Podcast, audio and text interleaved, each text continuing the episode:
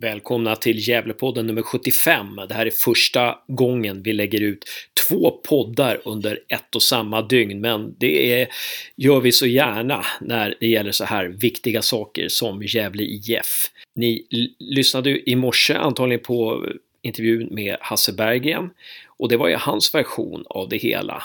Hur det gick till när han lämnade Gävle IF och eh, spelet där bakom. Nu blir det en intervju med Per Lagerström för att höra hans version, hans upplevelser av samma sak. Per har ju lyssnat på Hasse intervju då innan han kommenterar den. Efter Per Lagerström-snacket så blir det ett snack med Anders Wikström. Det är en intervju som jag, Hasse, gjorde i Carricks Corner strax före Östermatchen i lördags. Hoppas även att den här podden denna tisdag den 19 juni blir en bra podd. Som sagt, eh, ni kan ju alltid komma i kontakt med oss på Gävlepodden gmail.com eller så kan ni följa oss, eller och så kan ni följa oss på Twitter på Gävlepodden heter vi då. Ha det gott, heja GIF!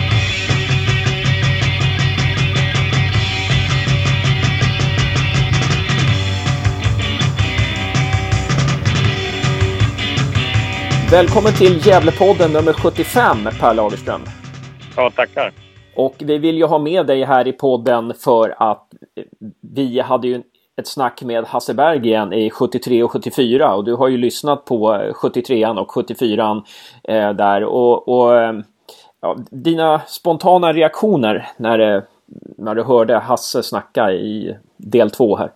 Nej, det spontana reaktionen är att det är såklart att jag, man jag tycker att det är väldigt tråkigt att, att Hasse känner som han känner. Eh, han känns väldigt besviken. Eh, får man respektera däremot och det är ju, jag känner det som ett misslyckande att en, en, en tidigare medarbetare känner så. Det, det, det är inget, det är inte sticka under stol med. För mig däremot är det viktigt att det, det är Hasses version och, och det, hur han ser på saken. Eh, för mig, jag, jag har ju en, en, en annan version men för mig känns det jätteviktigt också att respektera Hasse här, men också att jag, jag, jag tror att ni brukar vara med. Jag vill liksom inte gå in och, jag kommer aldrig gå in och recensera tidigare medarbetare eller någon annan i föreningen. Jag tycker, jag, det, det, känns inte, det, det, ser, det ser inget värde i. Men det, det, är tråkigt att Hasse känner som han gör tycker jag. Eh, så, så är det. Och det är tråkigt för Gävle IF eh, att ni inte kunde samarbeta eller hitta en väg till samarbete. När, när, när, när, du ser, när du hör det Hasse säger, är det någonting du känner att ja, vi borde ha gjort så här istället? Jag tycker att det finns anledning att, att, att rannsaka sig själv när, när någon blir så besviken. Så att, ja, vi behöver säkert ha varit ännu bättre på, på, på att kommunicera.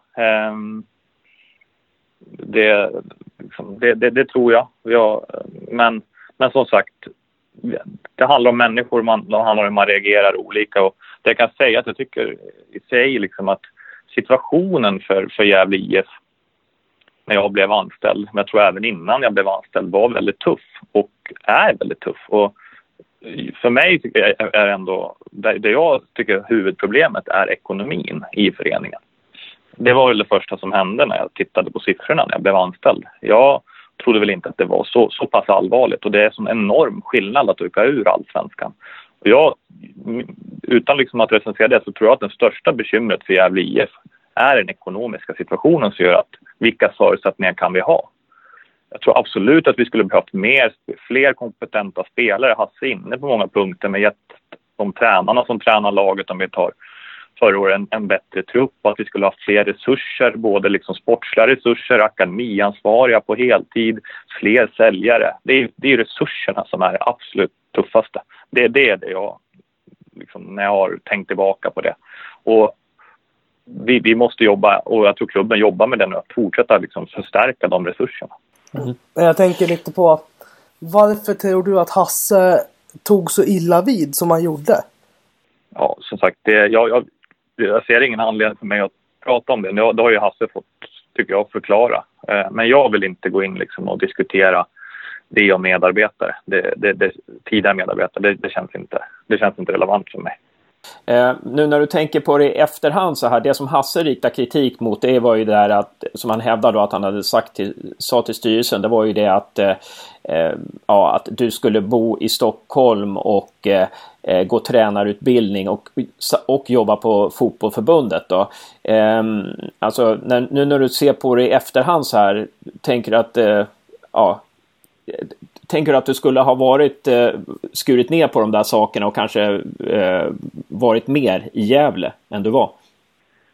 Det, situationen var ju väldigt komplicerad förra året. Det var väl ingen som trodde att vi skulle ha allt från ramla ur allsvenskan och vad det innebar tror jag vi inte förstod till vi hade flera spelare i polisutredningar till en otroligt sportsligt turbulent tid och vi tappade nyckelpersoner så att jag tror att Gävle IF hade behövt så mycket krafter som möjligt. Ehm, det, det, är klart att det var olycklig timing men det var ju ett det var ju någonting som var förbestämt innan och en anledning och det var jag ju tydlig med. Att, att det. Sen, sen var jag ju, jag, jag har ju övernattat flera gånger i veckan i Gävle eh, och, och försökt hantera den situationen men jag tror Hasse är inne på det bra.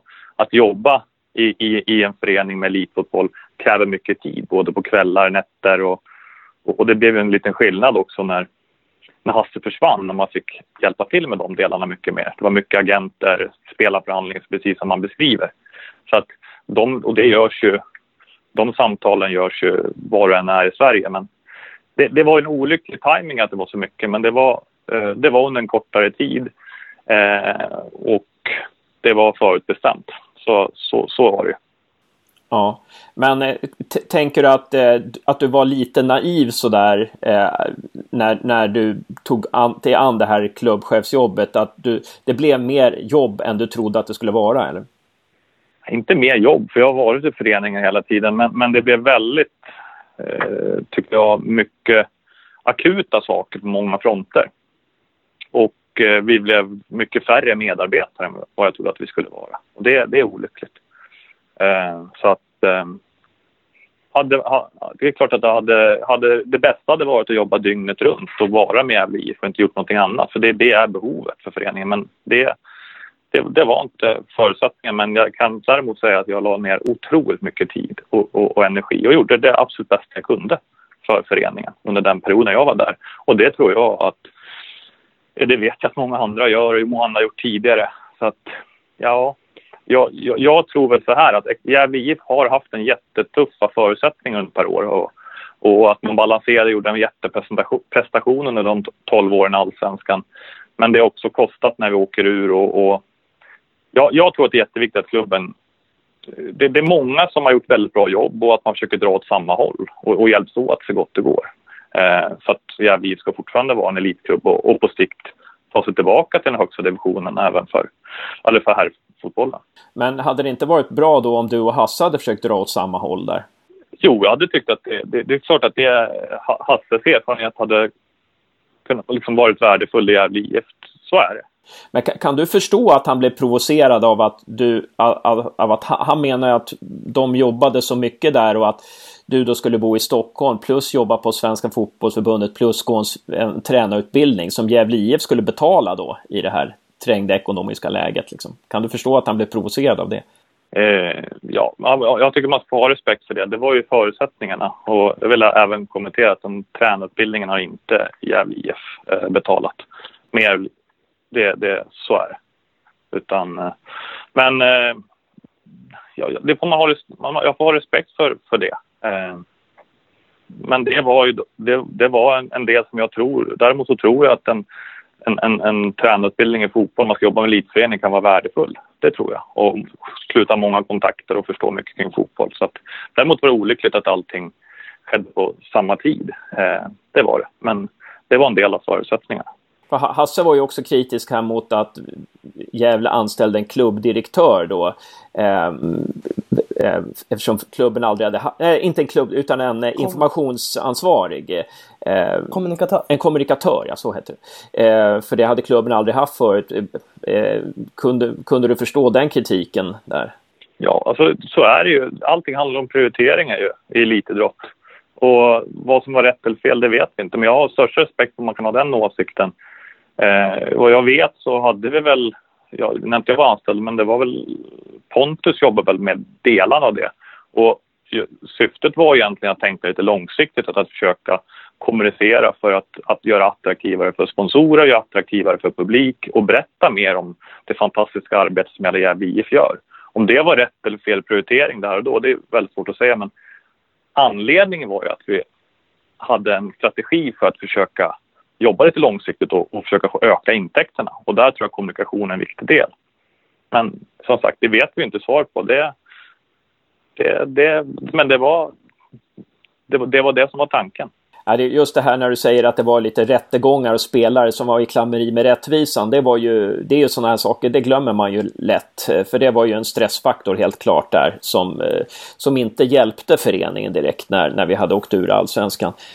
Nej, och det blir ett väldigt ansvar har vi som en av Gävles största ungdomsföreningar och hur vi jobbar med vår värdegrundsarbete för barn och ungdomar. Och det är en stor förening vi, får man tänka på med många olika delar. Ungdom, akademi och vi hade en period där vi tappade mycket kompetenta medarbetare, erfaren ordförande, erfaren klubbchef, Dan, Danne på, på ungdom med erfarenhet. Så det är klart att det var väldigt mycket som behövde göras under kortare tid. Och sådana där Eh, saker, det är jätteviktigt för klubben att ta, ta ansvar för, för att det kan skada varumärket. Så det, det, var väldigt, väldigt mycket som hände på kort tid, saker som är ganska ovanliga, eh, som gjorde att eh, det var, det var högt tryck på, på organisationen.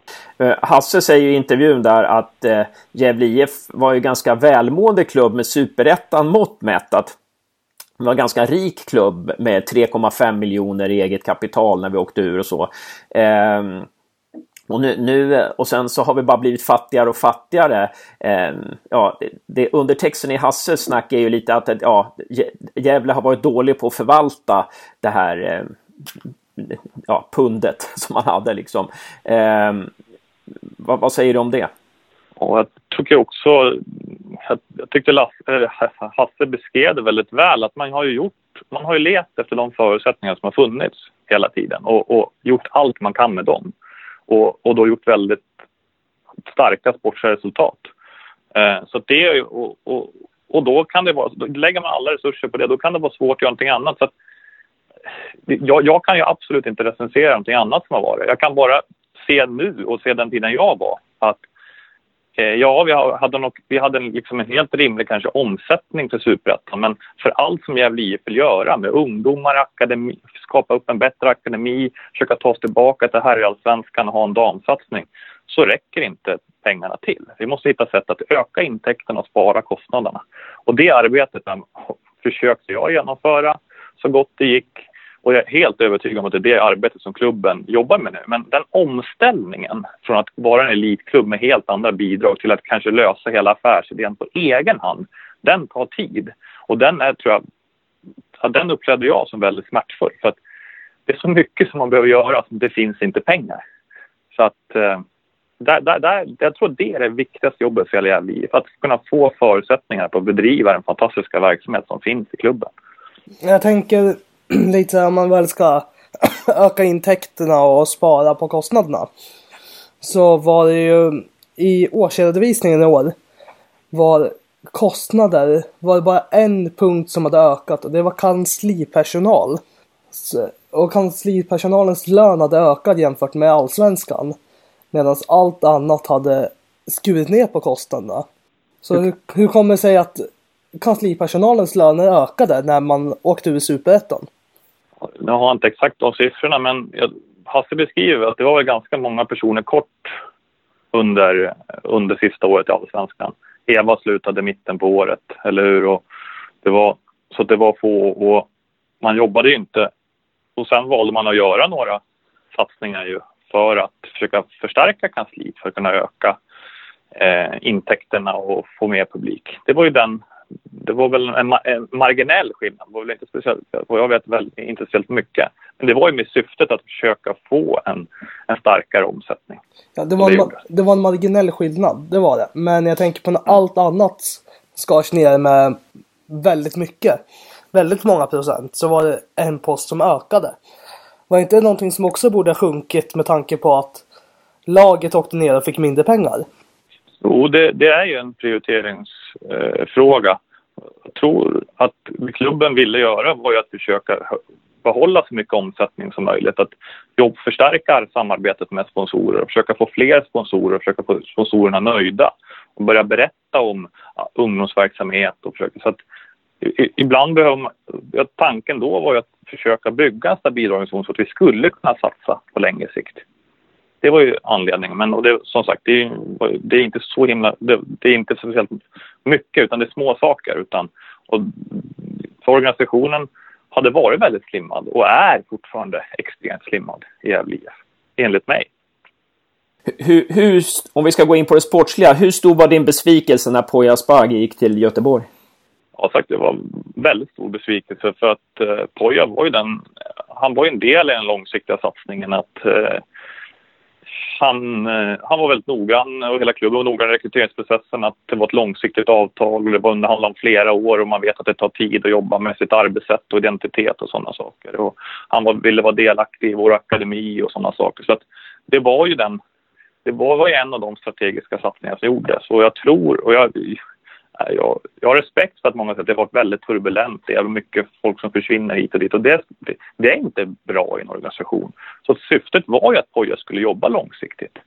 Eh, så att det är klart att det, det var väldigt, väldigt olyckligt. Också att det skedde i den situationen som skedde. Det, han hade ju verkligen fått ihop laget, så att, jättesynd. Eh, men också ibland, ja det är ju elitidrotten ibland. De största stjärnorna försvinner ibland. Ja. Men nu, nu, när du ser hur det går sportsligt, för nu har vi nu har vi två väldigt orutinerade tränare till ett väldigt ungt lag. Nu när du ser på det här ehm, eh, Tror du Poja skulle gör, kunna göra något mer med det här laget än det Mjällby och Mackan gör? Nej, det tror jag. Det är helt omöjligt att svara på. Eh, alltså, det, det jag tror är viktigt är att Gävle IF får en får en långsiktighet och kan få bygga upp sitt arbetssätt så att det blir tydligt. Så att unga spelare från hela vägen till akademin till A-laget vet hur vi ska spela fotboll. Eh, och att man stakar ut den röda tråden. Ehm, så att jag, jag har inte varit, varit på plats på, på, på länge så att jag, jag har ingen aning. Ja, man får försöka vända det. De här spelarna kommer bli bättre. Det, det, det är jag helt övertygad om i alla fall. Eh, det är, det, Men det är som... en utmanande serie. Ja. Jo, visst. Eh, det, det som var fördel med Poja, det var ju att han hade ett spelsystem och han trodde på det. Han såg vilka spelare som skulle passa in i hans system och så körde han den linjen liksom. Eh, Mjällby och Mackan håller ju på att treva sig fram här nu. Jag menar, senast spelade ju, äh, Jesper Björkman spelade högerback till exempel och Florén spelar mittfältare och alltså det det, det, um, Igor tas in mitt i, efter 7-8 omgångar och spelar sin första match och är helt plötsligt bäst på plan. Alltså det, eh, Fitim Kastratis skriver man treårskontrakt med och han, eh, och han sitter på bänken nu. Alltså det, det, det, no, det, det känns lite rörigt liksom sådär. N när du tittar i backspegeln, eh, skulle, eh, det, det, du tänker inte att eh, när du engagerade en tränare att du skulle tagit in en tränare som var lite mer rutinerad? Nej, jag, jag, I dagsläget så känner inte jag att jag kan inte, jag har inte den insynen, jag vill, kan inte recensera någon tränare i Gävle för det arbetssättet. Utan det, det, det får de som jobbar i föreningen nu göra. Utan eh, det, det fanns en plan och en tanke som för hela föreningen. Det där är någonting som man gör tillsammans som man hade där och då. Och eh, jag, jag vill absolut inte recensera några, vare sig spelare eller ledare för jag är inte på plats i Gävle IF. Jag kan inte göra det. Nej, men utifrån det vi sa, sa det till Hasse, Hasse sa, Hasse sa till oss några gånger, ja men det är lätt att vara efterklok och när man har facit i hand. Ja, sa vi till Hasse, men det är ju, det är ju när man är, har facit i hand, det är ju då man kan, det är ju då man kan liksom göra en analys och eh, titta bakåt. Men rent känslomässigt, när du, när, du, när du tittar tillbaka lite på din tid i, i Gävle IF, är det några saker så här om du tänker att ja, det där, det där borde jag ha gjort annorlunda? Ja, det, är så, det finns det massor eh, såklart, för det, det, det är viktigt. Eh, det är klart att, eh, att man hade hoppats på ett bättre, en, en bättre relation med Hasse. Det där är ett misslyckande såklart. Eh, men den stora delen är att jag inte mäktade med att höja intäkterna så, så mycket som, som, som behövs så att vi hade kunnat skapa ännu bättre förutsättningar för hela klubben. Vi skulle behöva ännu mer sponsringsintäkter vi skulle behöva mer publikintäkter. Eh, vi skulle ha mer, mer intäkter överhuvudtaget. Där, där, eh, där nådde inte jag liksom fram och det tror jag det klubben behöver framöver också för att kunna få förutsättningar att verka. Vad tror du att du hade kunnat gjort annorlunda för att kunna öka intäkterna mer? Ja, det är lätt hänt men eh, kanske så på, på, något sätt handlar det om att, liksom, tror jag, att behålla liksom, kärnan i föreningen och massa kompetens som finns och försöka få dem att jobba vidare men ändå våga staka ut en, en, en ny väg som säger att nu börjar, nu börjar satsningen från superettan uppåt och vi ska hit och vara väldigt tydlig med en, med en vision för föreningen men som också härstammar i historien. Så att man har fått med sig det gamla fina men också våga tänka nytt och, och kanske få med sig både publik och partners på någon, på någon sån satsning. Det, det, det är något sånt jag tänker att man hade kunnat kanske gjort ännu tydligare. Mm. Ja, det, det, det, där tror jag är superviktigt alltså. Det, det tror jag Gävle skulle vara eh, eh, Det tror jag Gävle skulle vara betjänt av idag. Någon, någon, tydlighet. Och det var väl också det som Poja gav till föreningen. Någon slags tydlighet. För då hade vi någon slags tydlig idé om vart vi ville och det fanns en positivitet och sådär. Så att jag tror det är något viktigt på spåret där. Helt klart alltså. Um, men hur tror du det går för Gävle IF då? Eh, en, en sista eller näst sista fråga. Hur tror du det går för Gävle IF nu? Eh, har vi någon chans att vända det här? När vi tittar på herrarna. När vi tittar på herrarna. Ja, absolut så har vi det. Eh, jag förstår också att det är, det är just, Det finns en historia som gör säkert att det, det blir lite jobbigare att spelarna de måste vara med förra året för det är en jobbig situation att ligga långt ner i en serie. Men det jag tycker man måste ta fram det är att man har gjort den här vändningen en gång. Man kan göra vändningen igen. Nu, nu ser vi också tabellen, den är tajt. Den är väldigt tajt. Två viktiga matcher här nu. Och, och, och såklart att de är dödsviktiga men om man skulle förlora dem så kommer man möta de lagen igen. Och bra spelare finns det i truppen och det är ett bra gäng i, i, i Gävle IF. Så jag, jag känner mig ändå ganska positiv. För det, man, när väl vändningen kommer så kan det gå. Det är bara en fråga om när den gör det. Jag, jag tror och hoppas att den kommer redan, redan på söndag. Men, men gör inte det så tror jag att man har varit med om att det kan avgöras i sista sekunden. Och det är alla förberedda på tror jag. Uh, och, och finns det bra, liksom, det, det finns någonting i, i laget. Det, det, det, det tycker jag ändå. Mm. Och på söndag finns du på plats på Vikingavallen i Täby, eller? Ja, det har jag hade tänkt. Flyttlasset går ju snart men jag, liksom norrut. Men, men eftersom det är så nära så ska jag verkligen försöka se matchen. Det, det är min plan. Och när Per säger flyttlasset går norrut, då är det inte Gävle som hägar utan det är? Ja, det är Uppsala. Tar halva vägen. De är närmare och, och närmare. Så eh, det, det, har varit tanken att vi, vi, vi ska flytta under en, en längre period. Nu, nu är det lite andra. Nu jobbar jag inte Gävle längre så då blir Uppsala ett, mellan, ett mellansteg. Ja men bra, då ses vi på Vikingavallen på söndag då Per. Ja, och så håller vi alla tummar vi kan för Gävle IF. Ha det gött mm. Per! Och tack för ja, att du medverkade. Tack själva. Tack. Tack. Hej.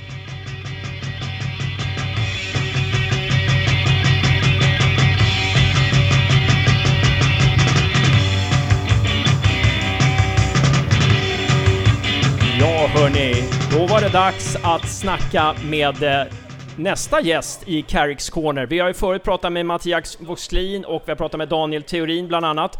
Och nu ska vi prata med Anders Wikström. En varm applåd för Anders!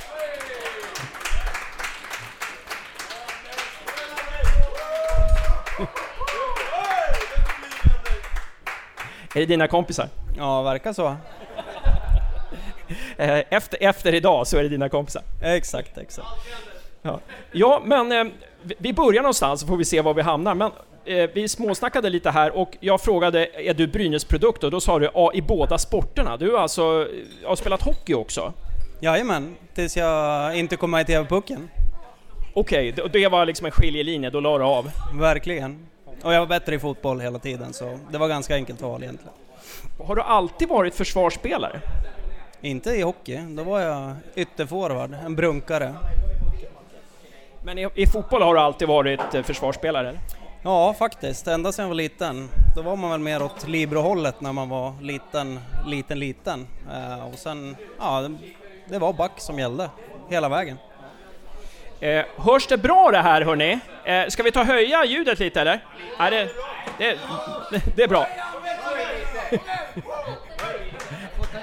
Okej, men när kom du från Brynäs till GIF? Hur, hur gick det till? Vill du berätta lite om det?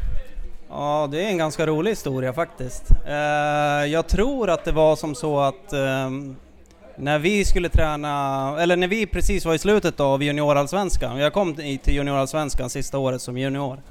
Eh, och så jag och, och min goda barndomsvän Fredrik Lutbom Eh, kom till GIF eh, och så mot slutet av säsongen så skulle vi upp och träna med A-laget.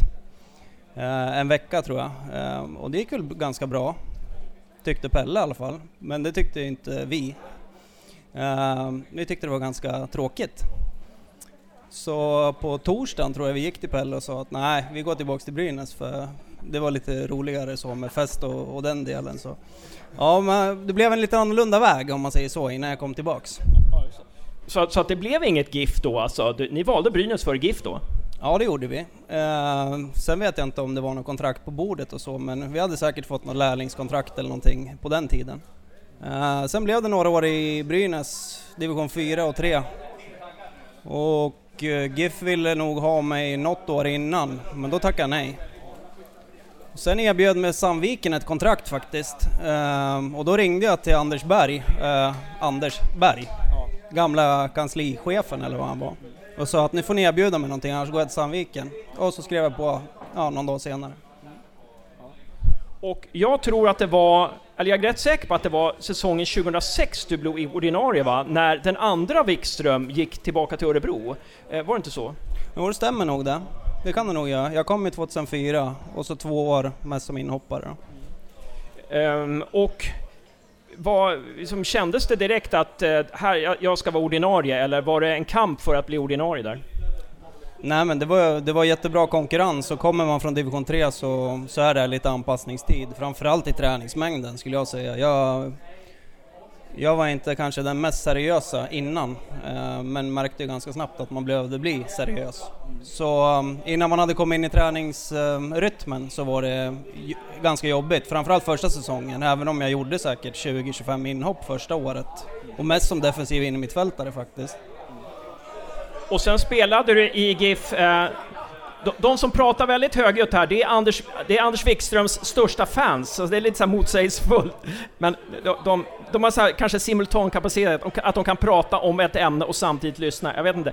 Men, men i alla fall, eh, jag har för mig att du gick sen till Elfsborg va, samtidigt som Javo där 2009, stämmer det? Uh, nej, det stämmer inte. Jag gick uh, först. Uh, de köpte mig där 2000, slutet på 2008. Så Javo kom väl året efter tror jag det var, för jag minns att Haglund frågade mig om Javos eh, ja, kvaliteter och sådana saker när jag var där. Så jag tror han kom året efter. Jag tror att jag frågade om det var Leif Lindstrand eller Pelle Olsson så här att ja, Anders gick för två miljoner då sa de nej det var mer. Får man avslöja hur mycket du gick för? Jag vet faktiskt inte exakt, men runt tre någonting tror jag. Okay. Så en ganska bra affär för GIF med andra ord då. Men eh, är det någon, du kommer ju tillbaka till Gibson, vilken match minns du mest från, ja, innan, ja, från det att du debuterade 2006 tills att du gick till Elfsborg där? De här fyra åren eh, som ordinarie. Vilken GIF-match kan du, ja, en eller flera som du minns av en eller olika anledningar?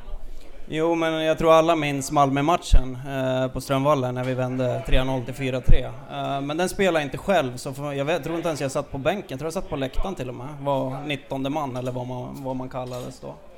Eh, men annars, vi mötte Slaneshley eller någonting sånt från Wales i Europa League, på, eller kvalet till Europa League på bortaplan och jag kommer ihåg att eh, Johan Holmström kastade en flaska upp i publiken, det blev ganska upprorisk stämning. Ja, det var, det var intressant om man säger så.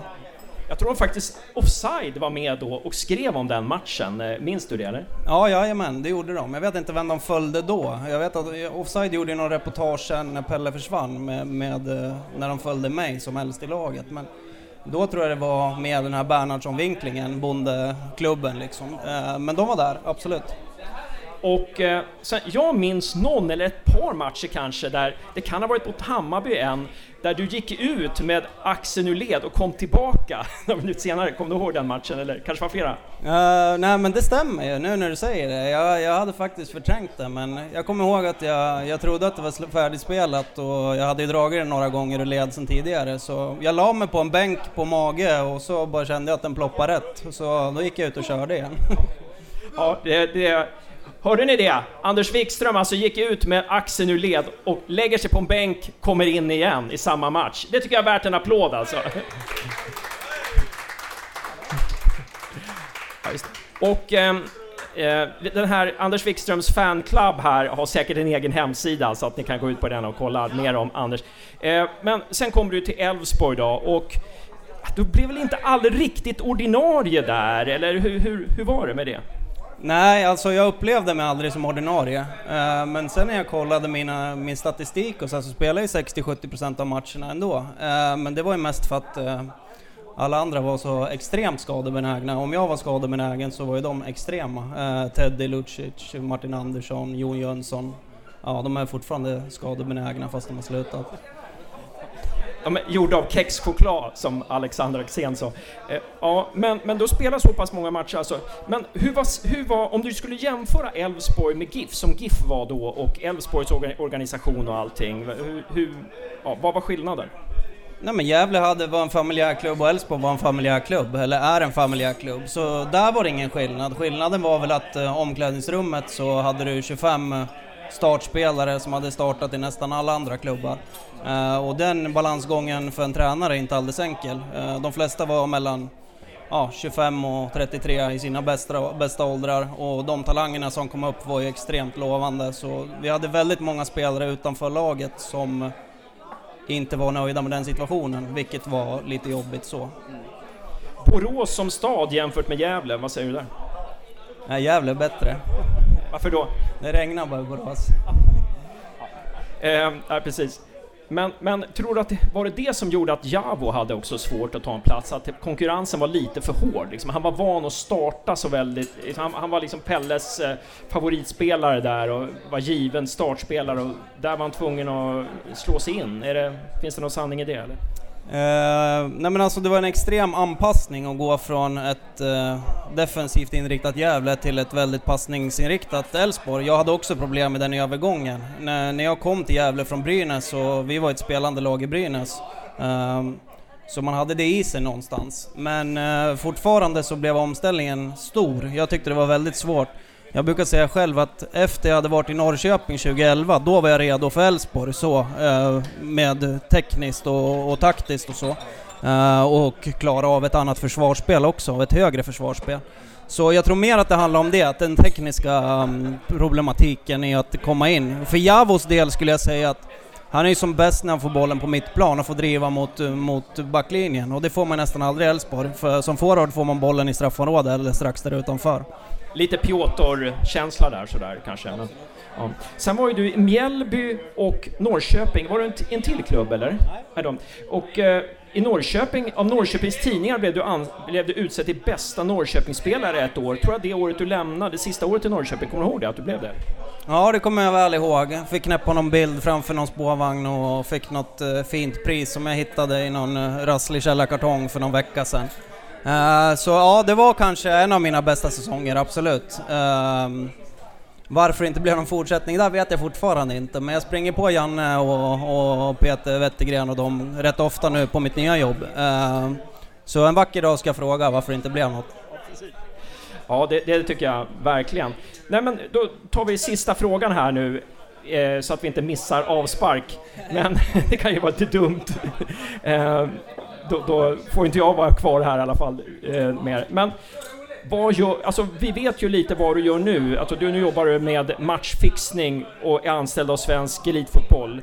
Och, vad, och, du har ju varit intervjuad av Olof Lund tror jag också på podden där.